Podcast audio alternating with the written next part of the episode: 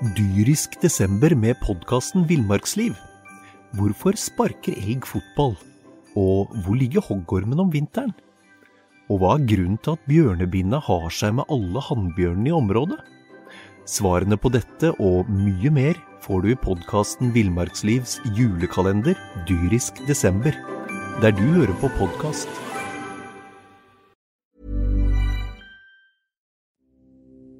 Jeg er helt overbevist om at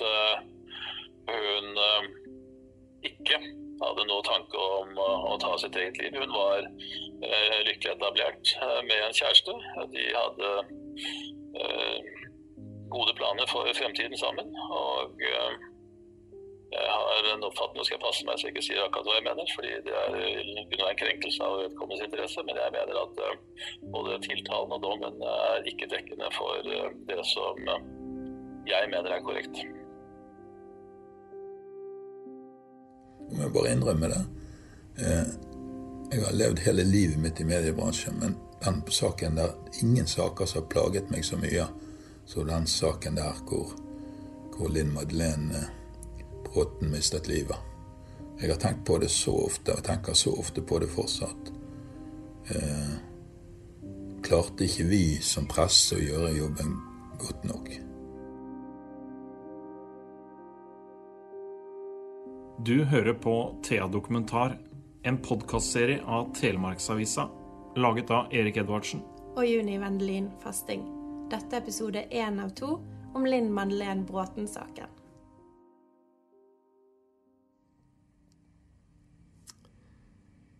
august 2013 klokka 14.42. Kvinne funnet død i vannet. Politiet i Telemark meldte lørdag ettermiddag at det er gjort funn av en død kvinne i vannet ved Sandøya utenfor Brevik. Kvinnen skal ha blitt funnet ved 10.40-tida på formiddagen, og politiet ser foreløpig ikke noe kriminelt bak dette funnet. Politiet undersøker saken. Det er ikke noe så langt som tyder på at det har skjedd noe kriminelt, men politiet er interessert i å komme i kontakt med eventuelle vitner som kan ha observert en kvinne i 30-årene, 1,68 cm høy og med langt blondt hår ikledd gråbrun, hvit kjole. Vitner som kan ha observert kvinner med dette signalementet på strekningen Brevik-Statelle i tidsrommet lørdag 3. august klokken 04.00 til 11.00, bes ta kontakt med politiet i Telemark. Nå leste du opp din egen notis fra 2013, Erik. Ja, det gjorde jeg. En vakt som det vi kalte nettvakt den gangen eh, i Thea. Da satt jeg jo aleine med Thea-fronten og skulle ha oversikt på alt som kom inn, og alt som var produsert fra, fra tidligere. Men hvordan var det denne meldingen eh, kom inn? På den tida der sånn, så var det jo ikke Twitter som politiet holdt oss eh, oppdatert med, sånn som det er nå. Da kom det noen ganger i døgnet en sånn eh, ja, kall det nesten en matriseoversikt fra politiet på mail, der de på en måte skrev om de hendelsene som hadde skjedd i det tidsrommet som hadde vært fra forrige rapport du fikk. Du fikk gjerne en på morgenen, og så kom det en litt utpå dagen. Eh, og dette var vel det jeg kan huske, den som kom litt utpå dagen, og da sto den notisen her med denne, mye av den beskrivelsen som jeg skrev ned i den lille saken, da, kom fra politiet der.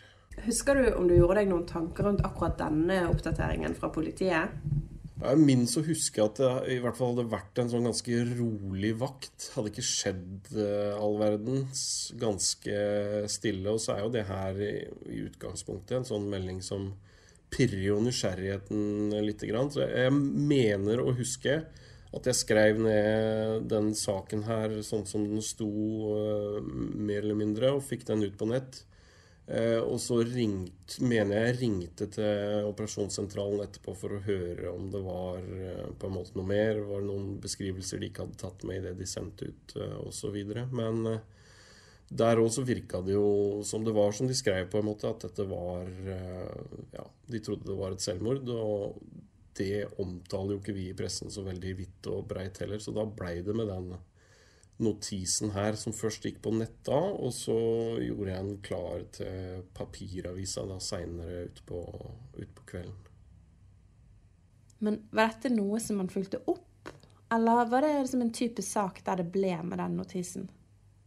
Nei, da blei det nok en sånn litt vedtatt sannhet hos uh, oss uh, også, at dette var uh, et selvmord, og ikke noe vi graver noe dypere ned i da. Så nå var jo ikke jeg på vakt på den mandagen, da. men det blei jo ikke gjort noe videre med den da, så da blei den stående sånn som den notisen jeg skrev, og det var på en måte en sånn ja, foreløpig avslutning for vårs med den saken. da. Ja, og så gikk det noen dager. En uke. Og så ble det jo litt mer. Så ble det plutselig en veldig stor sak. Eh, og det Når du har sittet på vakt sånn, og du tenker at alt er på en måte oppe og avgjort, som det jo Som oftest så er det jo det. Det er veldig sjelden det snur på den måten som det gjorde her. Eh, men at du da tenker tilbake på at du skrev den lille notisen her, så går det noen dager, og så eksploderer bare hele saken og blir til alt det det har vært nå i etterkant, så er det, så er det ganske spesielt å sitte og tenke tilbake på det òg. I arbeidet med denne podkasten så har det òg vært relevant å se på hva som står i den faktiske dommen fra lagmannsretten. Så vi har hentet inn Tor Øystein Eriksen til å lese utdrag fra denne. Gjennom opplesningen så vil dere høre at ett navn er sensurert. Det tilhører samboeren til Linn Madeleine. Fredag kveld, natt til lørdag 3. august, hadde Linn Madeleine Bråten og hennes samboer besøk av den tiltalte politimannen. Og tiltalte var barndomsvenner og hadde nå bodd i nærheten av hverandre på Statellet siden 2006. Tiltalte hadde kone og to barn, som ved anledningen var hjemme. Linns-broren var også til stede den natten, inntil han tok drosje hjem. Etter at deretter hadde lagt seg, ble Linn nå tiltalte sittende igjen alene fra klokka 02.30. Alle hadde drukket alkohol, bortsett fra Linn. Da tiltaltes kone våknet utpå natten og mannen ikke var kommet hjem, forsøkte hun forgjeves å ringe ham på mobiltelefonen hans.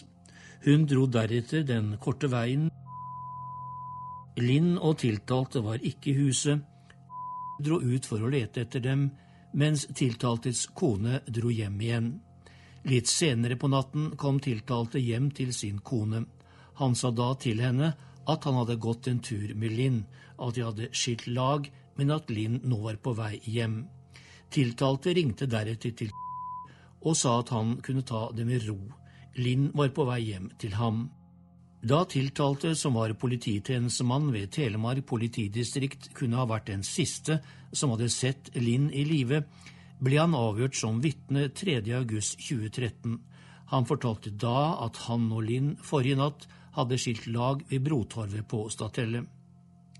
I avspilt lyddag 3.8.2013 snakket tiltalte med en kollega etter å ha ringt operasjonssentralen. Kvinnen i sjøen var da ennå ikke blitt identifisert. Tiltalte var da bekymret for kompisen sin og spurte blant annet hvordan kvinnen var kledd, og han fortalte at han hadde vært sammen med Linn, gått en tur med henne og så hjem til kona, og at de to hadde snakket om at det kanskje var Linn som var blitt funnet. Tiltalte sa så, hun har sagt sjøl at hun har stått liksom klar for å gjøre det, men så har hun droppa det. Jeg snakket en del med henne opp igjennom siden hun ble sammen med kompisen min. Tiltalte ba sin politikollega om å ringe ham når han visste noe mer. Senere var tiltalte med på å identifisere den døde kvinnen. Politiet antok at man hadde å gjøre med et selvdrap, og at Linn hadde hoppet fra Breviksbrua. De påfølgende dagene både tiltalte og var sammen, og tiltalte fastholdt hele tiden at han og Linn hadde skilt lag under spaserturen på Statellet. I politiavhør 11. august gjentok han dette. I dagene fram til 7. august 2013 hadde tiltalte som polititjenestemann tilgang til og var inne på politiets straffesakssystem. Så skulle det vise seg etter hvert at eh, det var et helt spesielt bilde som kom til å spille en stor rolle i den eh, saken her, Juni? Det stemmer. Det var et overvåkningsbilde eh, som det faktisk ikke var politiet som, som skjønte at de måtte hente inn. Det var en venninne av Linn Madeleine som tok seg en tur i området for å se om, om hun kunne finne ut av noe sjøl. Og da kom hun over dette overvåkningskameraet utenfor eh, kjøpesenteret Brotorvet. Og så tok hun kontakt med en, en vekter der som hjalp henne å, å faktisk få se overvåkningsvideo fra den aktuelle natten. Mm, og så fikk vi i Thea tips eh, om det bildet her, og der spilte jo eh, sjefredaktør Ove Meldingen en viktig rolle. Vi var faktisk de første som publiserte dette bildet, etter at han eh, hadde kjørt litt frem og tilbake på jakt etter bildet. Dette var en veldig, veldig spesiell historie. fordi at det er jo sånn at vi av og til har eh, saker om folk som har tatt livet av seg, eller eh, folk som er funnet død, hvor det er sannsynlig at det er snakk om selvmord. Og jeg hadde registrert denne notisen som sto i avisen, men jeg tenkte egentlig ikke så mye over det, for dessverre så skjer det der ganske jevnlig, da. Men så ringer det en kar til meg som snakker, som jeg kjenner litt fra før, og snakker litt i koder. Han har noe veldig vesentlig på hjertet, men han tør ikke si det over telefon. Så han vil møtes. Og det òg skjer innimellom, at folk har lyst til å fortelle om en eller annen sak, men de vil ikke ta det over telefon av forskjellige grunner. Så jeg avtaler å møte vedkommende på en uh, Burger King-restaurant. Og uh, påfallende nok rett ved siden ut av politikammeret. Eh, det var tilfeldig, men der var det åpent hele tiden og sånne ting.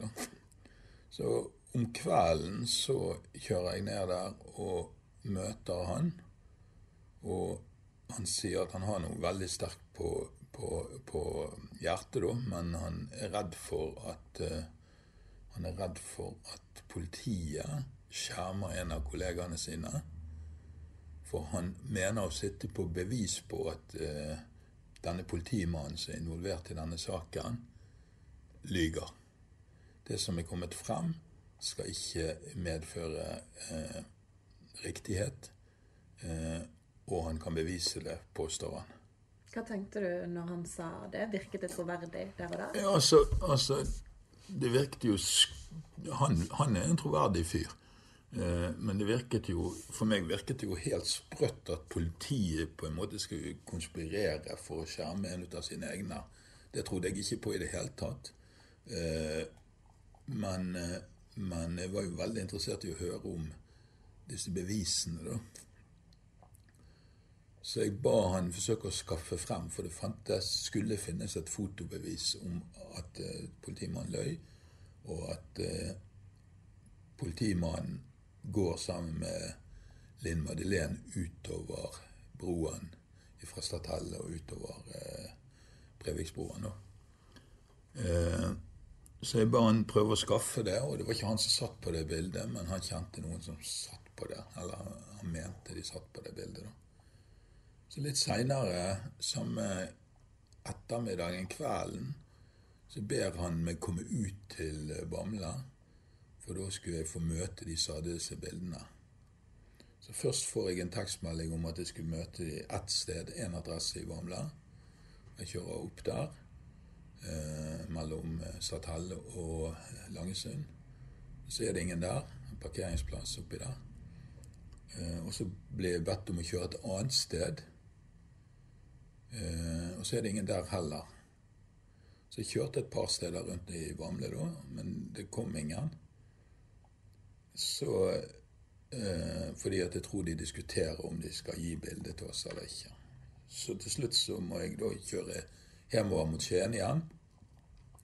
Ja, For da ga du opp og tenkte at det var tull? Nei, jeg, nei, jeg gjorde ikke det. Men for jeg skjønte det var, skjønte det var ikke tull. Det var ingen grunn til å, å, holde på med det der som tull. Men jeg forsto det sånn at det var en diskusjon mellom disse folkene hva de skulle gjøre med dette beviset. Så jeg, vi kan jo ikke skrive om at det finnes sånne bevis hvis ikke vi har sett det sjøl. Så jeg kjører hjemover igjen. Jeg tror jeg kjørte over Herra. Eh, og følger med litt på mobilen og det. Og når jeg kommer tilbake til bort med bakkene, tror jeg, så kommer det altså en, en, en sånn MMS. Så kommer det altså et bilde på telefonen min med et bilde som da skal være ut av han politimannen og Linn Madeleine som går utover Og det er jo Jeg får jo frysninger, for det er jo et helt klart bevis på at politimannen lyver. Og jeg eh, har jo kontakt med avisen, og det begynner å nærme seg deadline. Men jeg sender det bildet videre til vaktsjefen. Eh, og det eneste vi vet på det tidspunkt, er at politimannen lyver, og det er helt uklart hva som skjedde eh, den natten hvor Linn Madeleine døde. Og vi klarer å rekke deadline. Dette er jo om sommeren, og vi har sånn flott uh, førsteside med sommer i Telemark og masse sånn hyggelige farger sånn til toppen. Men under der, på det som vi kaller for oppslaget, så er det altså femspalta bilder ut av de to som går utover broen, med tittelen 'Hva skjedde denne natten?'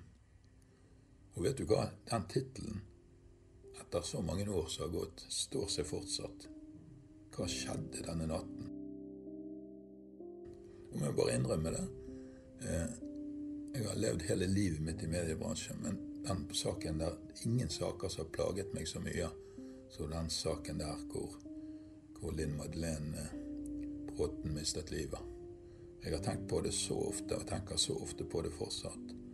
Eh, klarte ikke vi som presse å gjøre jobben godt nok.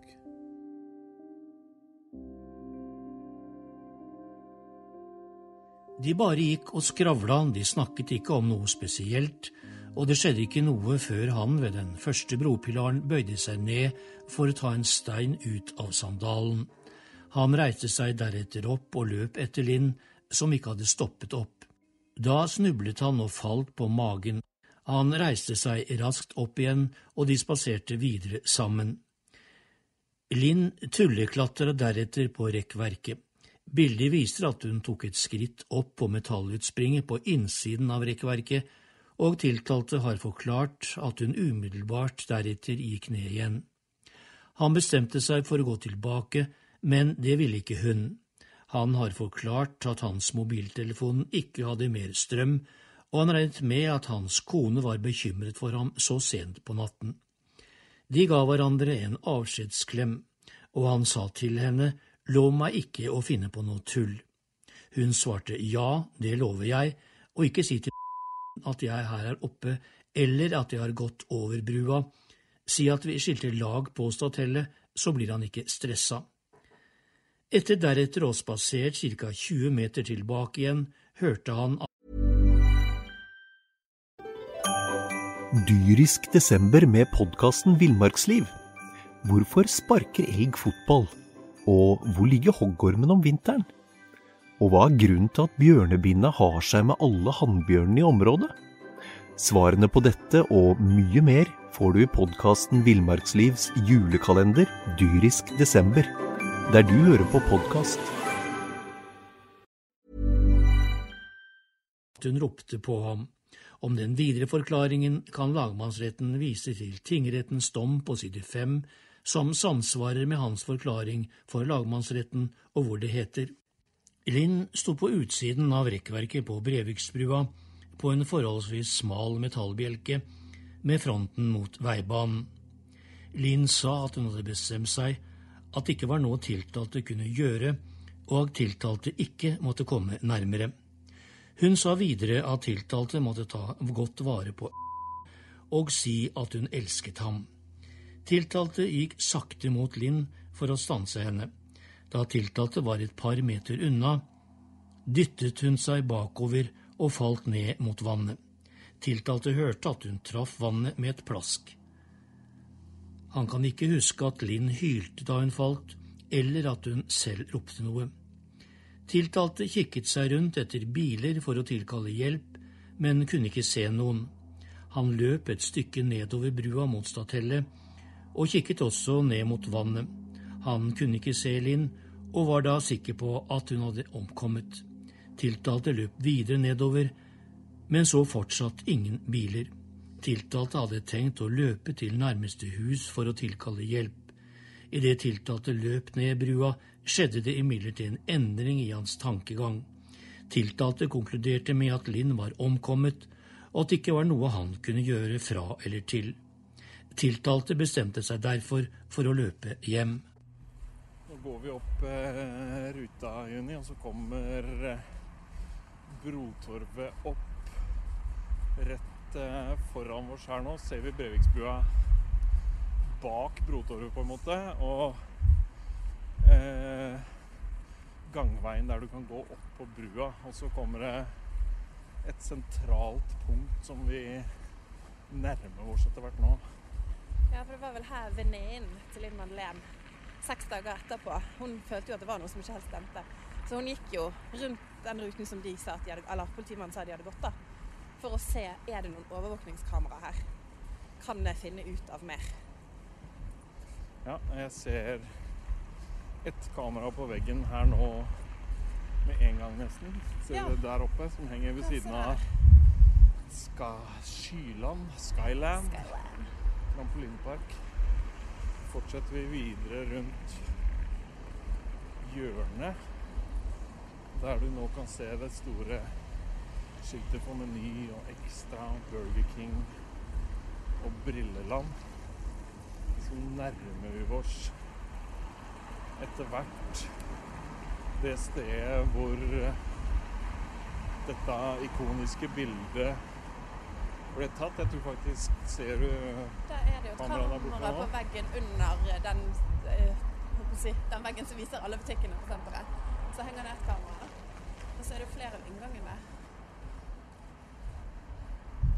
Det må vel være et av disse her nå. Ja, det er nok det kameraet vi ser på rett foran oss der nå.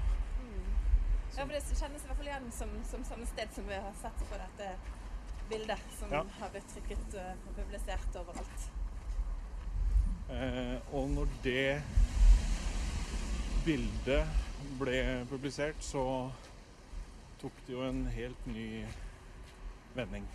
Ja, det kan du trygt si, for da kunne ikke denne politimannen lenger sno seg unna at han hadde gått her og mot og opp på Breviksbrua med Linn Madeleine. For nå var det jo faktisk festet til film. Det har vært en mye omtalt sak, det her, og mye diskutert. Eh, og så har det også vært eh, retta ganske mye kritikk mot det politiarbeidet som ble lagt ned her i juni. Ikke minst fra advokat Sigurd Klomsæt, som var familiens bistandsadvokat i lagmannsretten. Han retter sterk kritikk mot politiet, og han er svært lite imponert over at det var venner av Linn Madeleine som måtte finne dette beviset, dette bildet, som skulle bli så avgjørende i saken. De eh, vennene eh, sikret jo bevis. Eh, Det er politiet som i henhold til både lov og konvensjoner og Riksadvokatens rundskriv fra desember 99 skal gjøre den type arbeid, og det skal gjøres uten opphold. Det, var så enkelt, altså, det må jo være politifolk i distriktet som er såpass kjent at eh, de visste det. Men det ble ikke gjort. Nå har det vært en eh, dokumentar på TV som jeg ikke har sett mye av, men hørt om. Der er det jo eh, en drangdøling som står fram i politiet og tar den beklagelsen som folk på høyeste nivå skulle ha gjort. Men hva, hva tenker du om at de ikke gjorde det? Altså, hva tror du er grunnen til at de ikke de sjekket disse kameraene sjøl? Jeg vil jo tro at hvis jeg eller andre hadde vært eh, anklaget for noe av det samme, så hadde de vært på hugget med en gang og sørget for at det både ene og andre skjedde. Her var det en av deres egne. Om det spilte inn og var avgjørende, det vet jeg jo ikke, men vi konstaterte at det skjedde ikke noe. Og som dere selv har redegjort for, han fortsatte jo i tjenesten. Altså, jeg- et menneske visste man på den tiden var død. Man visste at hun var funnet eh, drivende i sjøen, dvs. Si hun hadde vel drevet i land, og hun var sterkt skadet og var preg av eh, det som da var skjedd, nemlig eh, Jeg har ikke tallet her, men det er svært høyt fra, fra den Breviksbrua og ned til eh, vannoverflaten. Så hun var preget av det. Og da har altså den nærmeste vært til stede og sett og vært der. Han eh, fortsetter som politimann etterpå. Det, det forstår jeg ikke. Det er mulig. Eh, Så det må være sviktet på mange plan hos sentrale aktører og beslutningstagere i politiet og påtalemyndighet på den tiden. Det skjedde jo masse, og det var jo to rettssaker, og, og eh, politimannen ble jo tatt i løgn etter løgn. Han ble avskjediget som politimann. Eh, og han opererte jo på en måte rundt den saken før han ble siktet. Eh, veldig aktivt. Sant? Han reiste på jobb for, og, og gikk og tuslet på politikammeret. Han flyttet inn hos kameraten sin, som var samboer til Linn Madeleine. Det ble òg avslørt at han hadde vært inne på PC-en hennes. Og, og det kom jo frem en dialog som de hadde hatt fordi at de hadde et intimt forhold.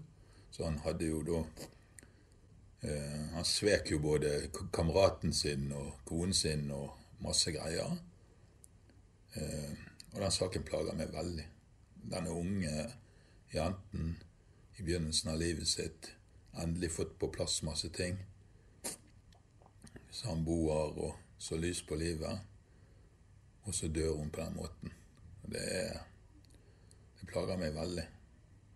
Og Seinere Seinere så snakket jeg med politimesteren om denne saken, og da hadde det gått noen år, da.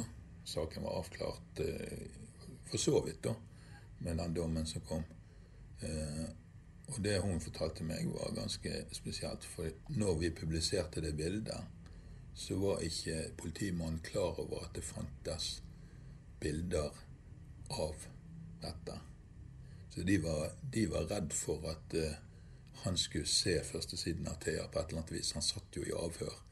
Men de hadde ikke gjort det kjent for han at eh, de satt med bildebevis av de to gående utover broen der, da. Så det var sikkert sånn avhørstekniske forhold. Uh, så, så, hun fortalte meg at de var redd for at han skulle få øye på en TA, da.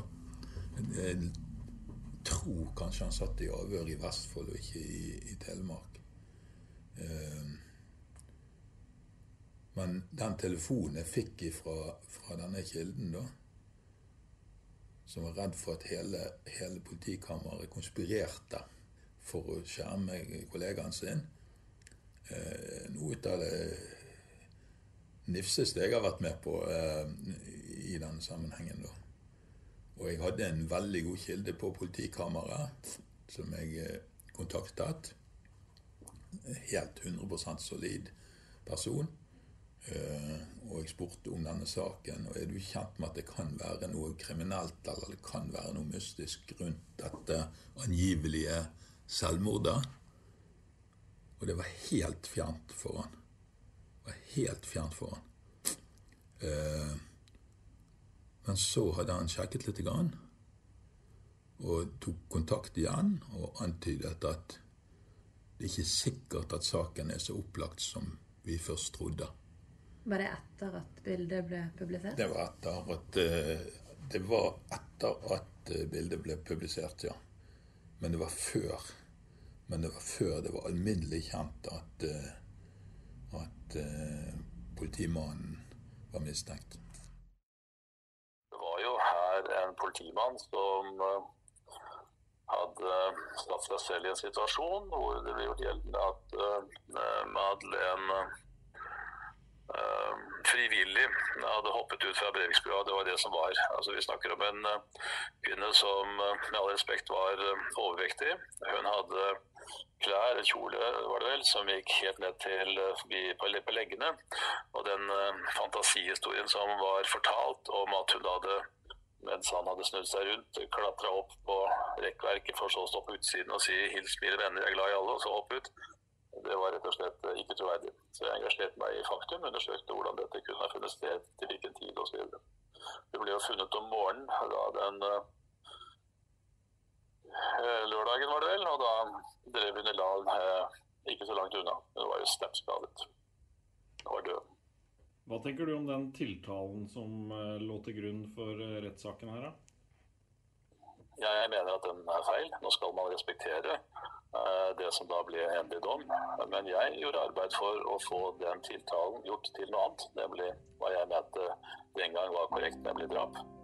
Og jeg mener husk at jeg både klaget til Riksadvokaten og at jeg fremmet krav om dette for domstolen, også til Høyesterett. Men jeg nådde ikke fram. Eh, du som har sett litt eh, dokumenter og sånt der, hva tenker du om det politiarbeidet som lå til grunn for den tiltalen? Ja, Nå ble det jo noe bedre underveis, fordi at eh, etter at denne videoen kom opp, så tok man jo og flyttet saken til eh, Vestfold. Og eh, det er etterforsket av andre, men det var fortsatt kolleger av vedkommende. Og etterforskeren så det var jo ikke imponerende arbeid. Når han etter fire uker var det vel, i varetekt ble løslatt, så hadde jo politiet satt i en såkalt telefonkontroll, så vi kunne lytte til samtaler han hadde med kolleger. Og det var nedslående. Det var eh, i min oppfatning nye krenkelser av Linn Madeleine. Husker du noe av hva som kom frem i disse samtalene? Ja, det gjør jeg, men det vil jeg ikke dele med dere, fordi eh, det er upassende.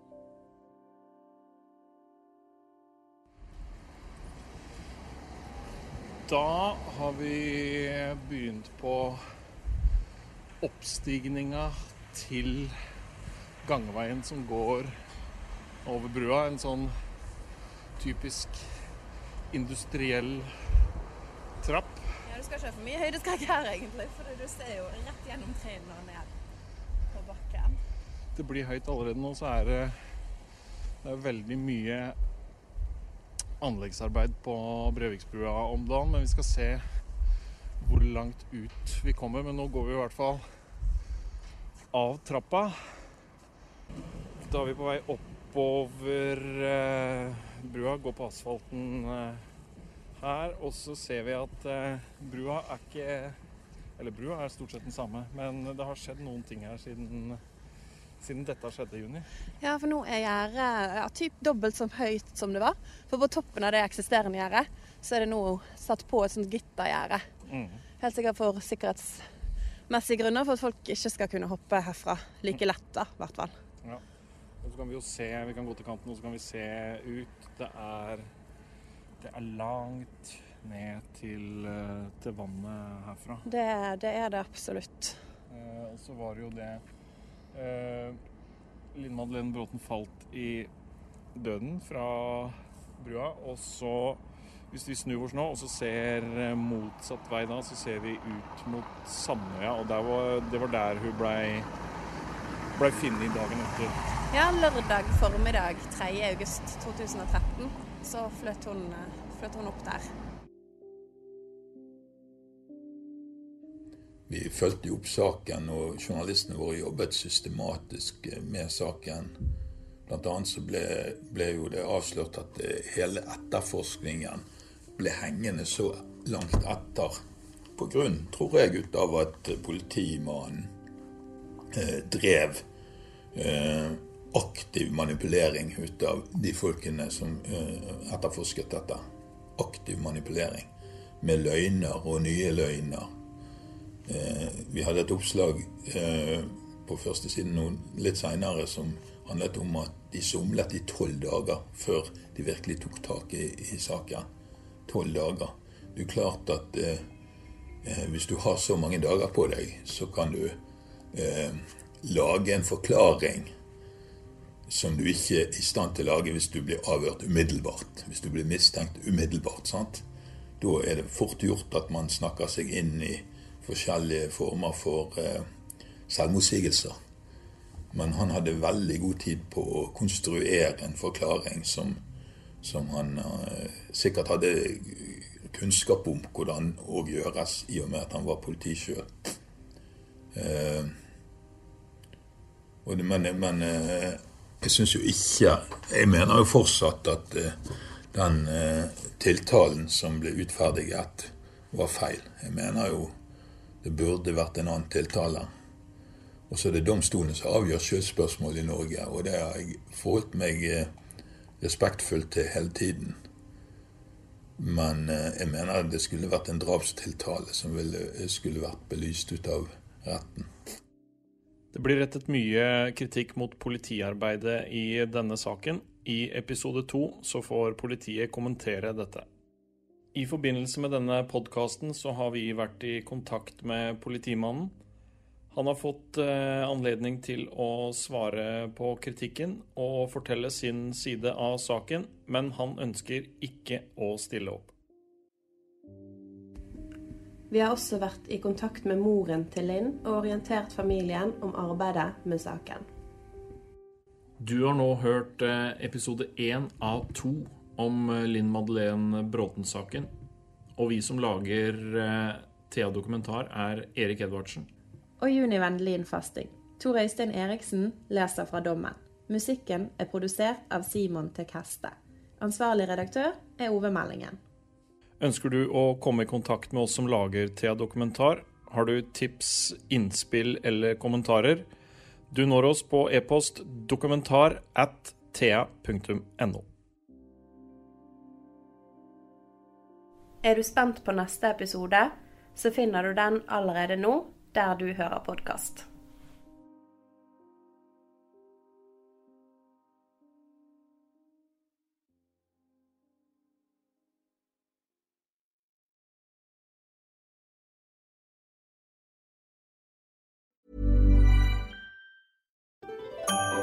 Dyrisk desember med podkasten Villmarksliv.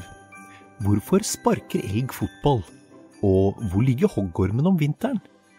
Og hva er grunnen til at bjørnebinna har seg med alle hannbjørnene i området? Svarene på dette og mye mer får du i podkasten Villmarkslivs julekalender Dyrisk desember, der du hører på podkast. Har du et enkeltpersonforetak eller en liten bedrift?